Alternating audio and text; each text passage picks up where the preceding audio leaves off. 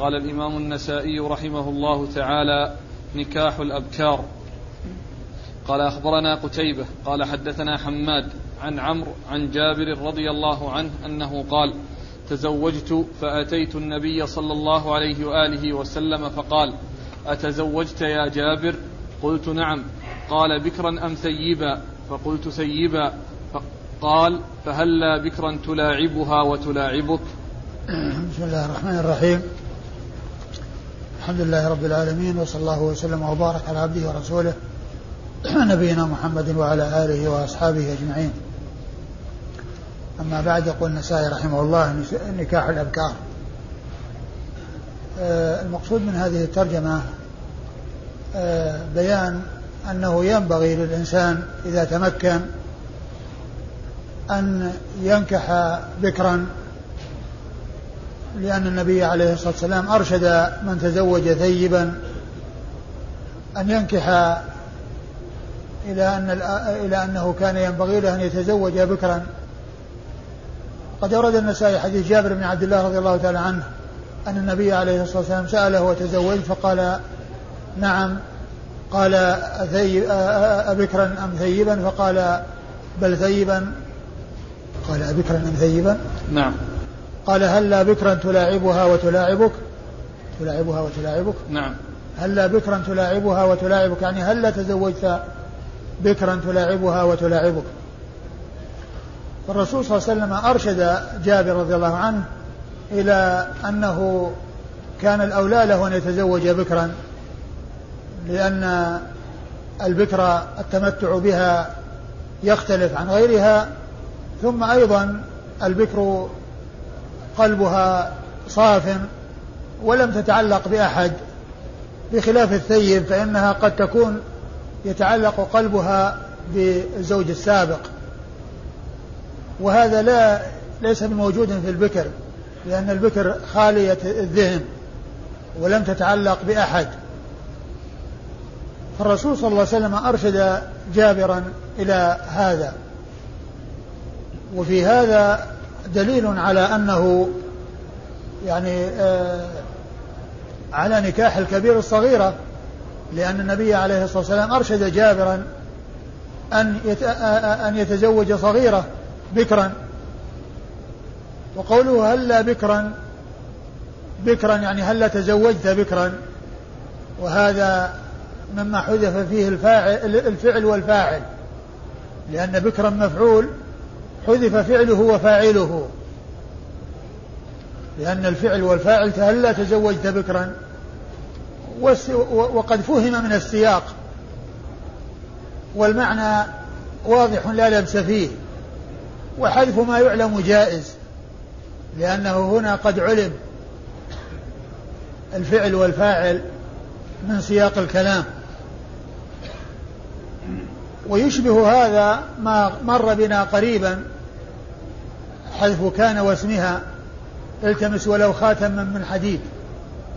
التمس ولو خاتما من حديد يعني ولو كان الملتمس خاتما من حديد. فحذفت كان وحذف اسمها معها. وبقي خبرها لأن السياق فيه ما يدل عليه. فهذا من هذا القبيل. فهلا بكرا تلاعبها؟ وتلاعبك. وجابر رضي الله تعالى عنه وأرضاه إنما اختار الثيب لأنه له كان له أخوات وكان أراد أن يستفيد منها لرعاية أخواته وللاستفادة منها في هذه الفائدة وفي هذه المصلحة فآثر مصلحة مصلحة أخواته على مصلحته. واستفادة أخواته على استفادته هو رضي الله تعالى عنه وأرضاه. قال أخبرنا قتيبة. أخبرنا قتيبة هو قتيبة بن سعيد بن جميل بن طريف البغلاني وبغلان قرية من قرى بلخ وهو ثقة أخرج له أصحاب كتب الستة. عن حماد. عن حماد وهو بن زيد البصري وهو ثقة أخرج له أصحاب الكتب الستة. وإذا جاء حماد غير منسوب ويروي عنه قتيبة فالمراد به حماد بن زيد. أيوه. عن عمرو. عن عمرو وهو بن دينار المكي وهو ثقة. أخرج له أصحاب الكتب الستة. جابر. عن جابر بن عبد الله الأنصاري رضي الله تعالى عنهما صاحب رسول الله صلى الله عليه وسلم وأحد السبعة المعروفين بكثرة الحديث عن النبي عليه الصلاة والسلام. وهذا الإسناد رباعي من أعلى الأسانيد عند النسائي. لأن النسائي بينه وبين بين رسول الله صلى الله عليه وسلم أربعة أشخاص اللي هو قتيبة وحماد بن زيد وعمرو بن دينار وجابر بن عبد الله الأنصاري. فهذا من أعلى الأسانيد عند النسائي لأن أعلى الأسانيد عنده الرباعيات التي يكون فيها بينه وبين رسول الله صلى الله عليه وسلم أربعة أشخاص وليس عنده ثلاثيات. ليس عنده ثلاثيات بل أعلى ما عنده الرباعيات. وأنزل ما عنده العشاريات التي يكون فيها عشرة أشخاص بينه وبين رسول الله صلى الله عليه وسلم.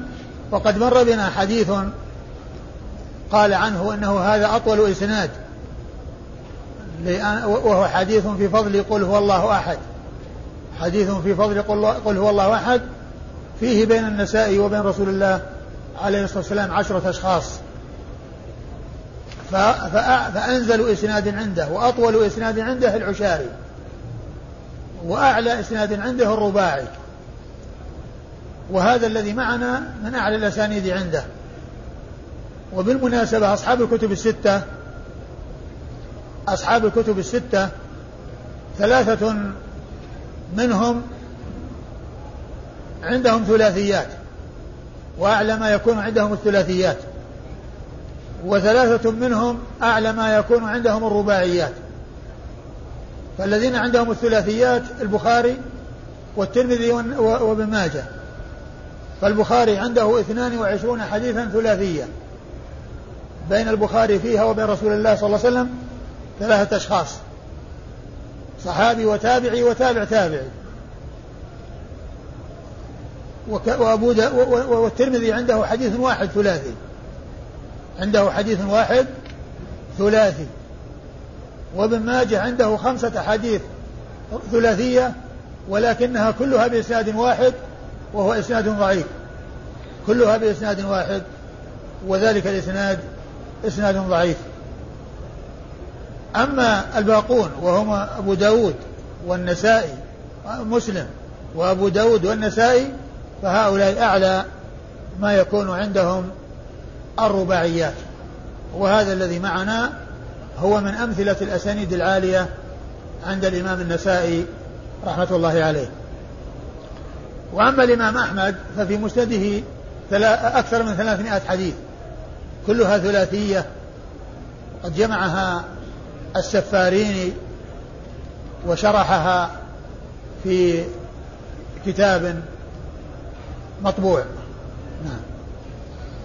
قال أخبرنا الحسن بن قزع قال حدثنا سفيان وهو ابن حبيب عن ابن جريج عن عطاء عن جابر رضي الله عنه أنه قال لقيني رسول الله صلى الله عليه وآله وسلم فقال يا جابر هل أصبت امرأة بعدي؟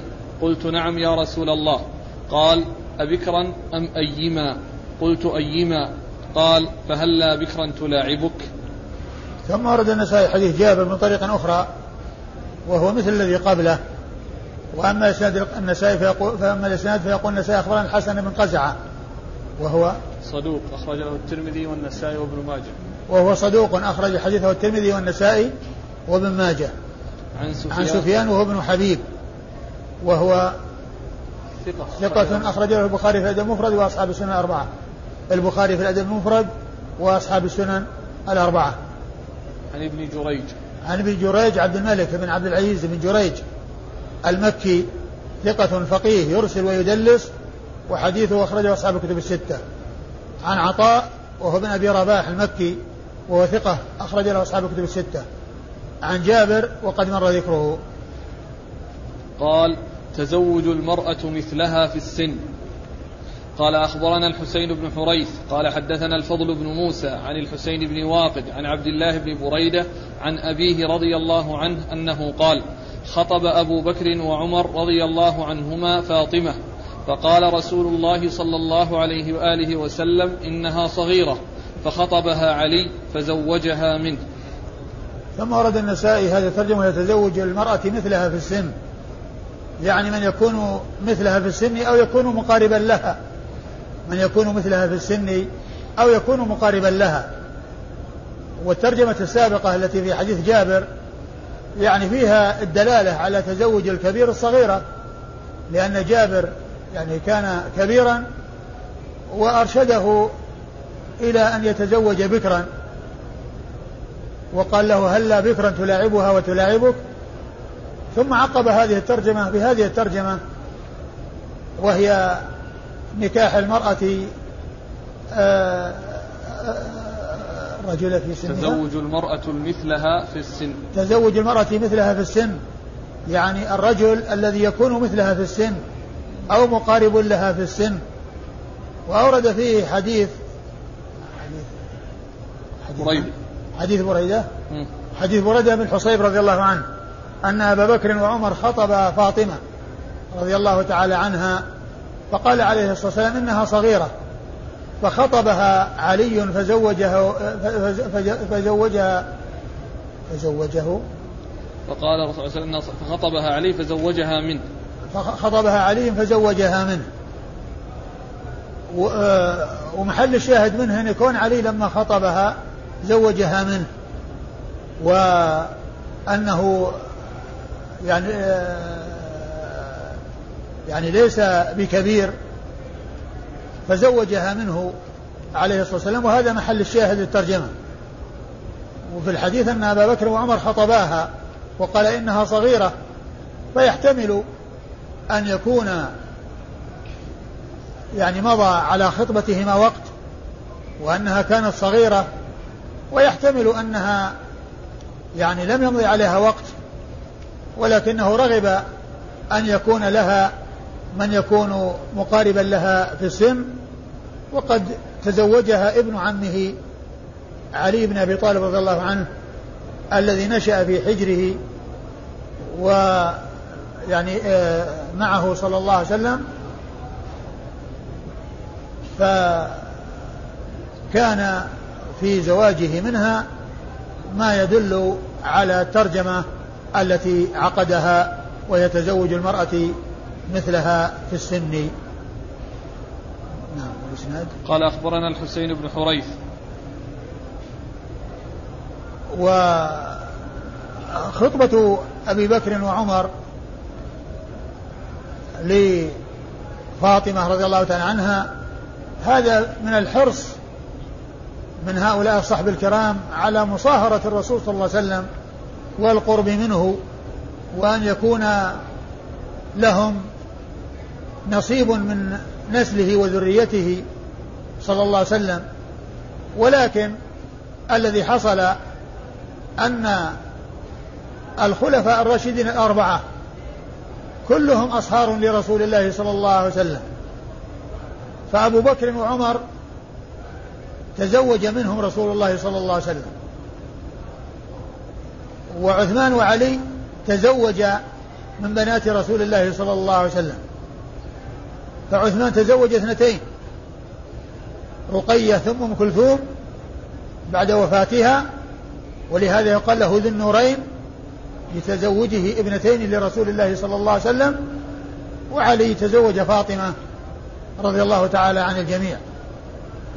فهؤلاء الخلفاء الراشدون الهادون المهديون كلهم لهم قرابة ولهم صلة وثيقة برسول الله صلى الله عليه وسلم من حيث المصاهرة.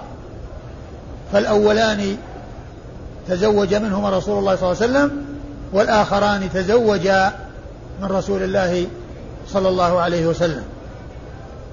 نعم. أخبرنا الحسين بن حريث.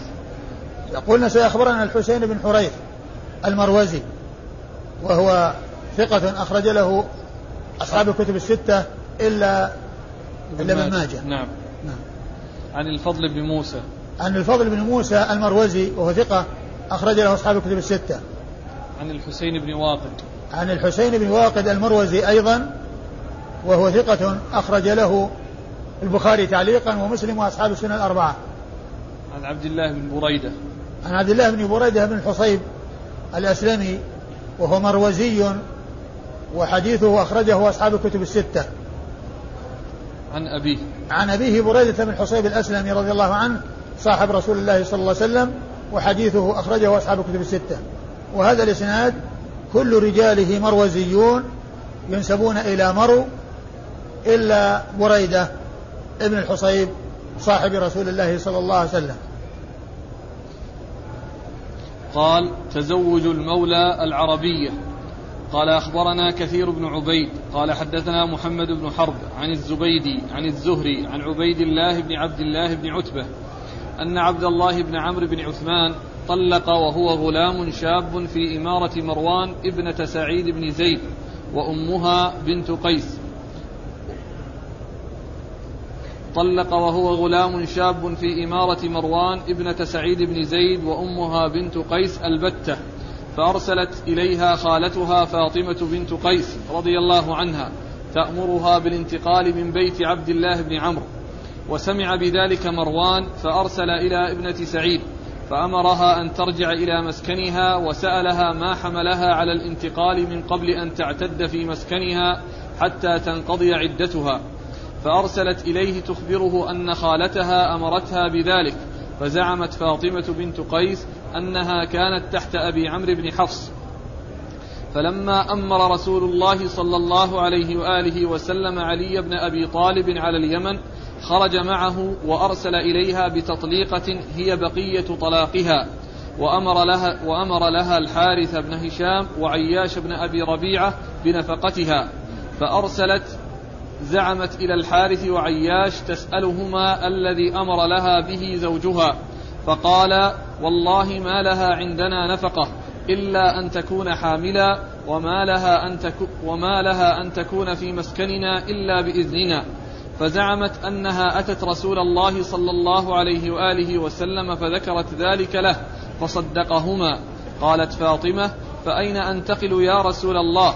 قال انتقلي عند عبد عند ابن أم مكتوم عند ابن أم مكتوم الأعمى الذي سماه الله عز وجل في كتابه.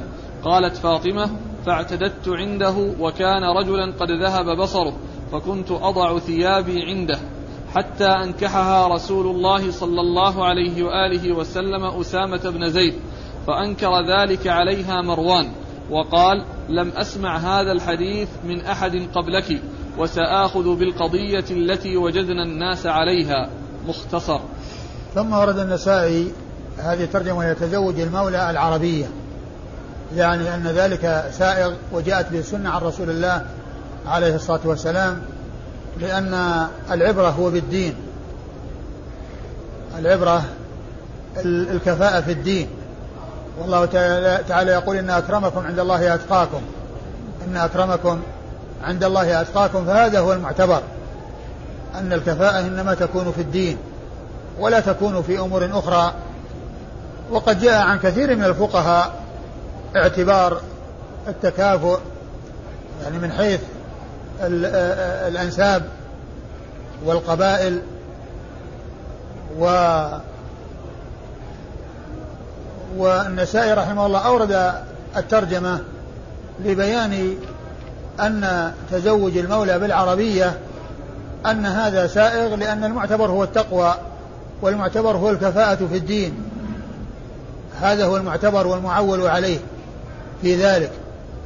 وقد أورد النسائي حديث فاطمة بنت قيس رضي الله تعالى عنها الذي فيه أوله أن عبد الله بن عمرو بن عثمان طلق وهو غلام شاب في إمارة مروان ابنة سعيد بن زيد وأمها بنت قيس البتة.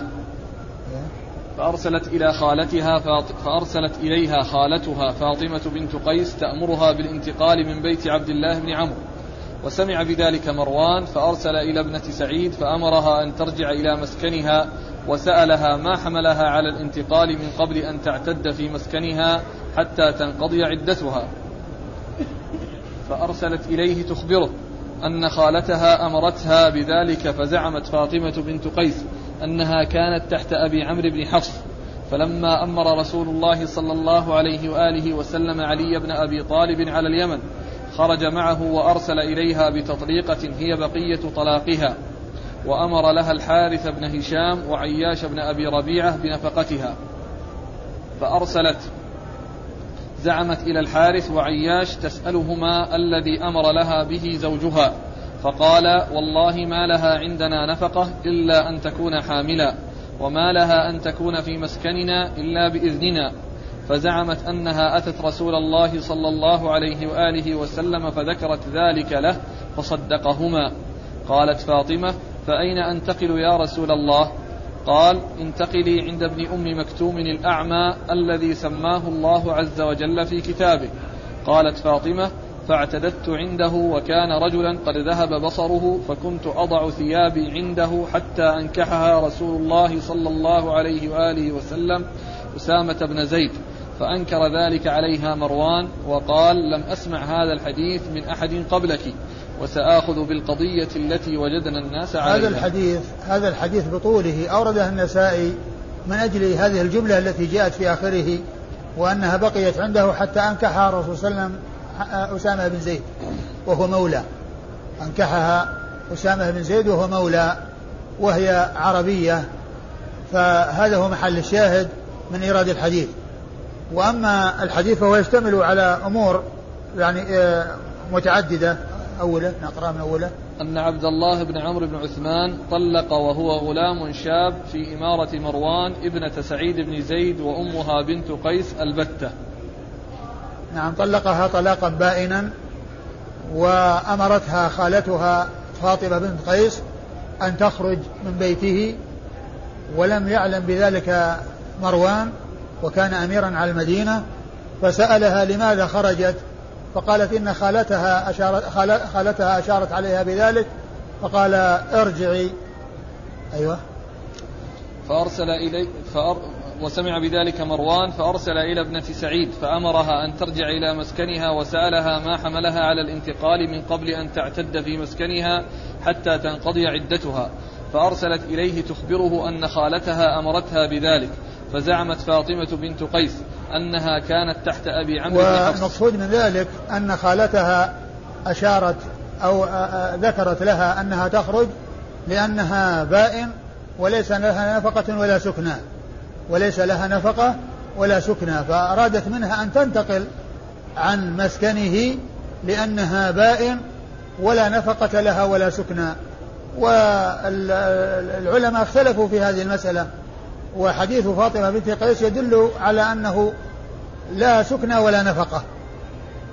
ومروان بن الحكم يعني آه الذي رأى الناس عليه أنه يكون لها السكنى أنه يكون لها السكنى وقد جاء أن مروان رجع عن ذلك يعني عن هذا الذي كان يقول به إلى ما جاء في حديث فاطمة بنت قيس الذي ذكره النسائي هنا. أيوة. فزعمت فاطمة بنت قيس أنها كانت تحت أبي عمرو بن حفص. يعني أرادت أن تبين فاطمة الدليل الذي يستند إليه في ذلك. لكونها ذكرت أو طلبت من ابنة أختها أن تخرج من بيت زوجها الذي طلقها البتة وأخبرت بأنها كانت عند عند من؟ أبي عمرو بن حفص.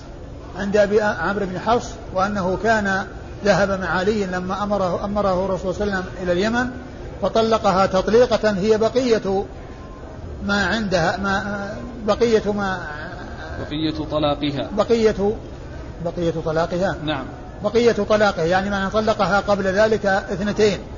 وبقيت الثالثة التي تبين بها وتكون بها بائنا فطلقها هذه الطلقة التي هي آخر ما لها وهي بقية ما لها من الطلقات فأوصى لها بنفقة ولكن الذين أوصاهما قالوا إنه لا نفقة لها ولا سكن إلا وحتى السكن ليس لها إلا بإذنهما. فذكرت أنهما ذهبت إلى الرسول صلى الله عليه وسلم فصدقهما يعني أقرهما على على ما قال وصدقهما.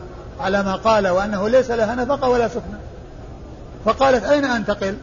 قال انتقل إلى ابن أم المكتوم فإنه كان أعمى. وسماه الله عز وجل في كتابه يعني حيث قال عبس وتولى أن جاءه الأعمى.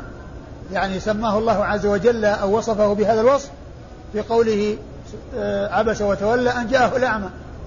هذا هو مقصودها الذي سماه الله عز وجل في كتابه يعني سماه أعمى. وقال عنه أن جاءه الأعمى. فإنه آه، اعتدي عند عبد الله بن مكتوم فإنه أعمى. قال انتقلي عند ابن أم مكتوم الأعمى الذي سماه الله عز وجل في كتابه. أي نعم. قالت سماه الله أعمى يعني أيوة. أيوة. اللي بعده؟ أيوة. قالت فاطمة فاعتددت عنده وكان رجلا قد ذهب بصره فكنت أضع ثيابي عنده. حتى أنكحها رسول الله صلى الله عليه وآله وسلم. يعني معناه كانت عنده وكانت تضع ثيابها عنده يعني معناها أنها لا تحتجب منه. كانت لا تحتجب منه لأنه أعمى لا يبصر. وهذا إذا كان العمى محقق وليس فيه شيء من الإبصار مطلقا فيمكن لأن الرسول صلى الله عليه وسلم قال إنما جعل الاستئذان من أجل البصر. إنما جعل الاستئذان من أجل البصر. فإذا كان البصر ما هو موجود أصلا ولا يمكن معه الرؤية فإنه يمكن يعني آه، عدم الاحتجاب من الأعمى الذي ليس عنده شيء من النور وليس عنده شيء من الإبصار مطلقا. أما إذا كان عنده شيء ولو كان يسير وأنه يمكن أن يرى ولو في بعض الأحيان فهذا لا يجوز آه يجب الاحتجاب منه يجب الاحتجاب منه لأن النبي عليه الصلاة والسلام قال إنما جعل الاستئذان من أجل البصر. فإذا كان فالاستئذان جعل من أجل البصر لأنه خشية الإبصار يعني يستأذن الإنسان حتى لا يطلع على عورات يعني حيث يكون مبصرا يعني من حيث المشاهدة والمعاينة. إنما جعل الاستئذان من أجل البصر.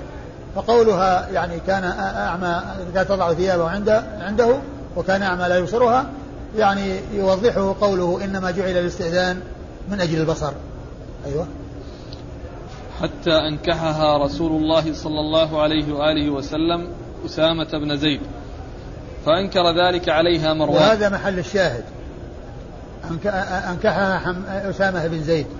فأنكر عليها ذلك مروان يعني أنكر عليها قضية يعني كونه لا نفقة ولا سكنة.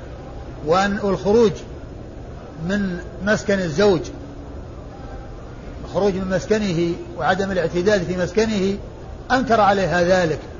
ولهذا أرشد ابنة أختها أن ترجع إلى بيت زوجها الذي طلقها وأن تعتد في بيته وأن لها السكنى وكان يرى أن لها السكنى قد قال بهذا كثير من أهل العلم.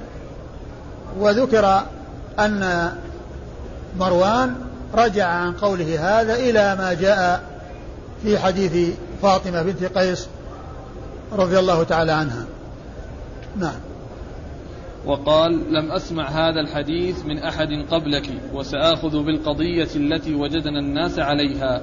آه هو رجع إلى ما جاء عنها ومن المعلوم أن رواية الحديث من شخص واحد سواء كان رجل أو امرأة فإنه معتبر وحجة عند العلماء. ولعل مروان يعني آه خاف أن يكون يعني حصل له وهم أو ما إلى ذلك ولكنه في الآخر رجع إلى ما آه، جاء عنها من أنه لا سكن لها ولا نفقة أي المطلقة طلاقا بائنا. قال أخبرنا كثير بن عبيد. أخبرنا كثير بن عبيد. عن من؟ ها؟ عن من؟ يروي عن محمد بن حرب. محمد بن حرب. بن حرب. كثير بن عبيد الحمصي وهو ثقة أخرج له أبو داود والنسائي وابن ماجه. وهو ثقة أخرجه أبو داود والنسائي وابن ماجه. عن محمد بن حرب الحمصي أيضا وهو ثقة أخرج له أصحاب الكتب الستة. عن الزبيدي. عن الزبيدي وهو محمد بن الوليد الحمصي وهو ثقة أخرج له أصحاب الكتب الستة. إلا الترمذي. إلا الترمذي. أصحاب الكتب الستة إلا الترمذي. عن الزهري. عن الزهري محمد بن مسلم بن عبيد الله بن شهاب الزهري ثقة فقيه مكثر من الرواية وحديثه أخرجه أصحاب الكتب الستة. عن عبيد الله بن عبد الله بن عتبة. عن عبيد الله بن عبد الله بن عتبة بن مسعود وهو أحد فقهاء المدينة السبعة في عصر التابعين وحديثه أخرجه أصحاب الكتب الستة. عن فاطمة. عن عن فاطمة بنت قيس آه وهي صحابية. أخرج حديثها من؟ أصحاب الكتب. أخرج حديثها أصحاب الكتب الستة. قال أخبرنا عمران بن بكار بن راشد. قال حدثنا أبو اليمان. قال أخبرنا شعيب عن الزهري. قال أخبرني عروة بن الزبير عن عائشة رضي الله عنها أن أبا حذيفة بن عتبة بن ربيعة بن عبد شمس وكان ممن شهد بدرا مع رسول الله صلى الله عليه وآله وسلم تبنى سالما وأنكحه ابنة أخيه هند بنت الوليد بن عتبة بن ربيعة بن عبد شمس وهو مولى وهو مولى لامرأة من الأنصار. كما تبنى رسول الله صلى الله عليه وآله وسلم زيدا. وكان من تبنى رجلا في الجاهلية دعاه الناس ابنه فورث من فورث من ميراثه حتى أنزل الله عز وجل في ذلك ادعوهم لآبائهم هو أقسط عند الله. فإن لم تعلموا آباءهم فإخوانكم في الدين ومواليكم. فمن لم يعلم له أب كان مولى وأخا في الدين. مختصر. ثم ورد النسائي حديث آه حديث من؟ أثر عن عائشة. حديث عائشة؟ عن عائشة تقول أن أبا حذيفة أنكح. عن عائشة رضي الله تعالى عنها أن أبا حذيفة أنكح سالما مولى مولى أبي حذيفة؟ في آخره ذكر وهو مولى لامرأة من الأنصار. نعم. سالما وهو مولى لامرأة من الأنصار أنكحوا ابنة أخيه وهي عربية وهذا محل الشاهد من إيراد الحديث للترجمة وهو تزوج المولى العربية لأن العبرة هو المكافأة في الدين. أيوه. كما تبنى رسول الله صلى الله عليه وسلم زيدا. وأن كما كما كما تبنى الرسول صلى الله عليه وسلم زيدا وكانوا من قبل يتبنى الرجل الواحد فينسب إليه ويرث منه. حتى نزل القرآن فنسخ ذلك ومنع منه وأنهم يدعون لآبائهم ولا يدعون لمن لمن تبناهم. وإذا لم يعلم له أب فهو أخ في الدين ومولى. ولكن لا يقال له ابن بل البنوة مقصورة على النسب والانتساب إنما هو للنسب وليس من أجل التبني لأن التبني نسخ وانتهى ولم يبقى له اعتبار لأن يعني بعد نسخه وإنما بعد ذلك ليس فيه إلا أن ينسب إلى أبيه علم وإلا فإنه أخ في الدين أو مولى فيقال مولى آل فلان ولا يقال ابن فلان أو مولى فلان ولا يقال ابن فلان. قال أخبرنا عمران بن بكار بن راشد. أخبرنا عمران بن بكار بن راشد وهو ثقة أخرج له النسائي وحده. وهو ثقة أخرج أخرج حديثه النسائي وحده. عن أبي اليمان. عن أبي اليمان وهو الحكم بن نافع الحمصي وهو ثقة أخرج له أصحاب الكتب الستة. عن شعيب. عن شعيب بن أبي حمزة الحمصي وهو ثقة. أخرج له أصحاب الكتب الستة. عن الزهري عن عروة بن الزبير. عن الزهري وقد مر ذكره عن عروة بن الزبير بن العوام وهو أحد فقهاء المدينة السبعة في عصر التابعين. أخرج له أصحاب الكتب الستة. عن عائشة. عن عائشة أم المؤمنين الصديقة بنت الصديق وهي الصحابية التي روت الحديث الكثير عن النبي الكريم صلى الله عليه وسلم. قال أخبرنا محمد بن نصر. قال حدثنا أيوب بن سليمان بن بلال قال حدثني أبو بكر بن أبي أويس عن سليمان بن بلال قال قال قال يحيى بن قال قال يحيى يعني ابن سعيد وأخبرني ابن شهاب قال حدثني عروة بن الزبير وابن عبد الله بن ربيعة عن عائشة زوج النبي صلى الله عليه وآله وسلم وأم سلمة زوج النبي صلى الله عليه وآله وسلم رضي الله عنهما أن أبا حذيفة بن عتبة بن ربيعة بن عبد شمس وكان ممن شهد بدرا مع رسول الله صلى الله عليه وآله وسلم تبنى سالما وهو مولى لامرأة من الأنصار كما تبنى رسول الله صلى الله عليه وآله وسلم زيد بن حارثة. وأنكح أبو حذيفة بن عتبة سالما ابنة ابنة أخيه هند ابنة الوليد بن عتبة بن ربيعة. وكانت هند بنت الوليد ابنة عتبة من المهاجرات الأول. وهي يومئذ من أفضل أيام قريش. فلما أنزل الله عز وجل في زيد بن حارثة ادعوهم لآبائهم هو أقسط عند الله رد كل أحد ينتمي من أولئك إلى أبيه فإن لم يكن يعلم أبوه رد إلى مواليه. ثم ورد النسائي حديث عائشة وأم سلمة رضي الله تعالى عنهما وهو يدل على ما دل عليه الذي قبله وهو مثل الذي قبله من جهة زواج المولى بالعربية وهو مثل الذي قبله من جهة أن آه، سالما مولى آه، أبي حذيفة آه، زوجه مولاه ابنة أخيه وهذا هو محل الشاهد وهو نفس الذي تقدم في الحديث الذي قبل هذا. نعم. قال أخبرنا محمد بن نصر. محمد بن نصر المروزي ثقة أخرج له أصحاب أخرجه النسائي وحده. مروزي. نيسابوري المروزي محمد المروزي يجتمع مع النيسابور ولا ما يجتمع؟ ها؟ أقول يجتمع مع النيسابوري ولا ما يجتمع؟ ما أدري إيش النيسابوري؟ النيسابوري هو النيسابوري؟ نعم وين ذكر؟ شوف وين ذكر؟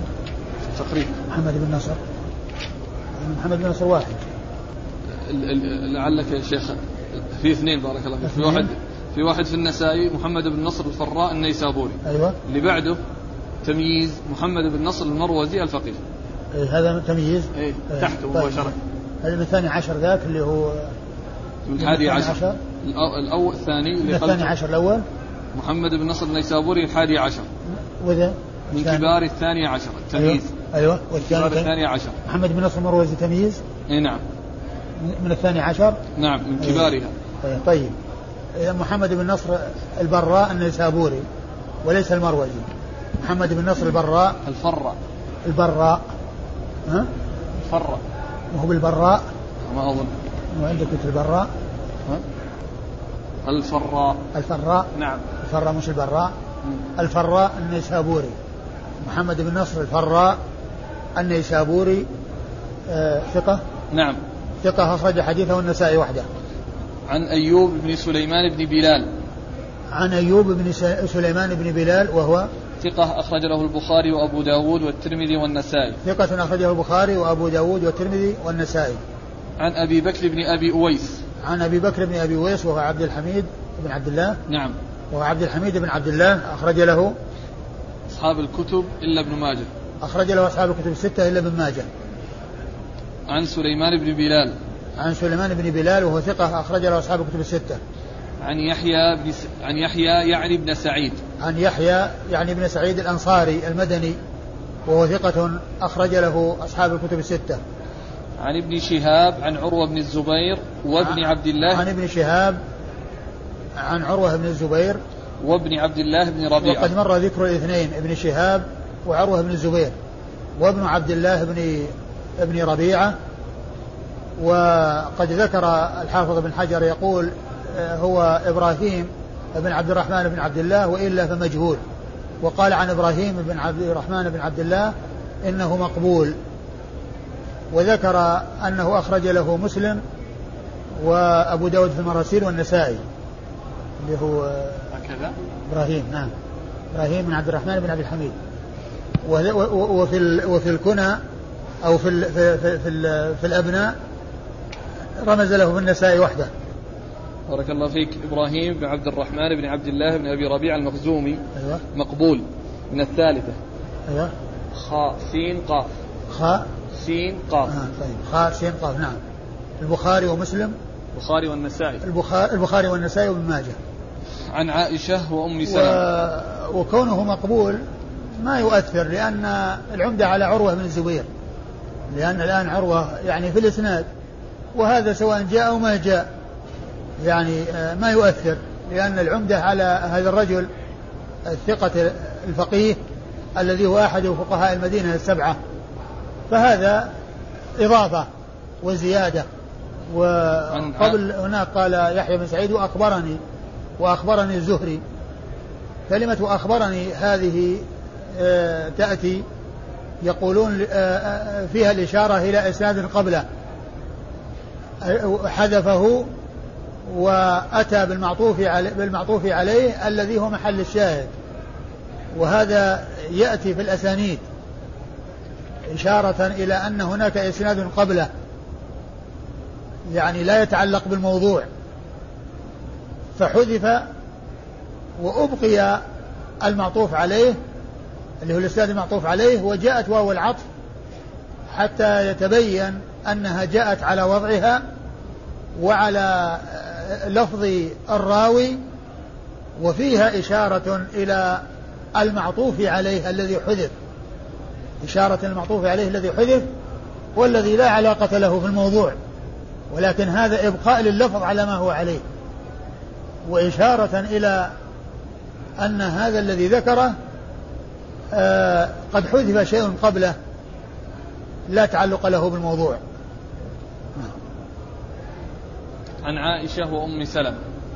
عائشة مر ذكرها وأم سلمة هي هند بنت آه، هند بنت أبي أمية وهي صحابية آه، وهي أم المؤمنين رضي الله تعالى عنها وأرضاها وحديثها أخرجه أصحاب الكتب الستة. قال الحسب. قال أخبرنا يعقوب بن إبراهيم قال حدثنا أبو تميلة عن حسين بن واقد عن ابن بريدة عن أبيه رضي الله عنه أنه قال قال رسول الله صلى الله عليه وآله وسلم إن أحساب أهل الدنيا الذي يذهبون إليه المال. ثم ورد النسائي هذا وهي الحسب. والمقصود به الشيء الذي آه، يدفع الناس إلى التقارب. وإلى المصاهرة. يعني وأن الذي يدفع أهل الدنيا هو المال فهو الذي يعولون عليه وهو الذي يحرصون على صاحبه. لأنهم حريصون على المال فيحرصون على من كان عنده المال. فيحرصون على من كان عنده المال. والحسب الذي هو الشرف وعلو الرفعة والمنزلة إذا وجد معه الإيمان والتقى والصلاح هذا شيء مطلوب. وأما إذا كان يتعلق بأمور دنيوية مع غض النظر عن الأمور المعتبرة في الشرع فإن هذا ليس بشيء وهذا هو الذي أشار إليه الرسول الكريم صلى الله عليه وسلم أن أحساب أهل الدنيا إن أحساب أهل الدنيا يد... الذي يذهبون إليه المال. أن أحساب أهل الدنيا الذي يذهبون إليه المال. فهذا هو المعتبر عند أهل الدنيا. يعني يميلون إلى من عنده المال. يميلون إلى من عنده المال وهذا هو المعتبر عندهم. وليس هذا معتبرا في الشرع بل المعتبر أن المرأة إذا كانت ذات حسب وذات نسب وذات سمعة طيبة مع الإيمان والتقوى فهذا خير إلى خير وشيء طيب إلى شيء طيب. أما إذا كان هذا الحسب يتعلق بمطامع ويتعلق بدنيا فإن هذا مذموم وهذا شأن أهل الدنيا وأحساب أهل الدنيا إنما هي من هذا القبيل كما دل عليه هذا الحديث عن رسول الله صلوات الله وسلامه وبركاته عليه. قال أخبرنا يعقوب بن إبراهيم. يعقوب بن إبراهيم الدورقي ثقة أخرج له أصحاب الكتب الستة بل هو شيخ لأصحاب الكتب الستة. رووا عنه مباشرة وبدون واسطة. عن أبي تميلة. عن أبي تميلة وهو آه، الحارث بن واضح. يحيى. ها؟ يحيى بن واضح. يحيى بن واضح. يحيى بن واضح وهو ثقة أخرج له. أصحاب الكتب. أخرج له أصحاب الكتب الستة. عن حسين بن واقد عن ابن بريدة عن أبيه. عن حسين بن واقد وقد مر ذكره عن ابن بريدة وهو عبد الله بن بريدة. عن أبيه وقد مر ذكرهم. والله تعالى أعلم وصلى الله وسلم وبارك على عبده ورسوله نبينا محمد وعلى آله وأصحابه أجمعين.